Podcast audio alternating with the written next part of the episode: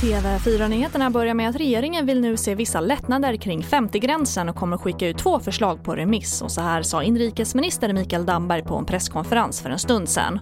Det ena förslaget gäller de serveringsställen som träffas av den tillfälliga lagen om smittskyddsåtgärder på serveringsställen, det vill säga restauranger och kaféer. Genom att undanta sådana serveringsställen från förbudsförordningen får vi en ordning där samma verksamhet inte behöver förhålla sig till två olika regelverk.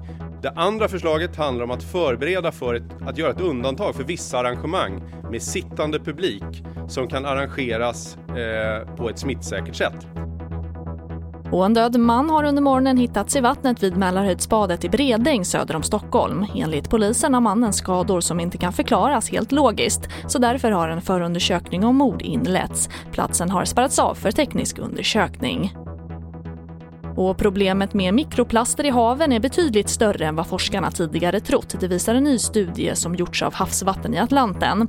Samtidigt har coronapandemin skapat ett nytt nedskräpningsproblem för haven. På stränderna i Storbritannien hittas nu mer munskydd än plastpåsar.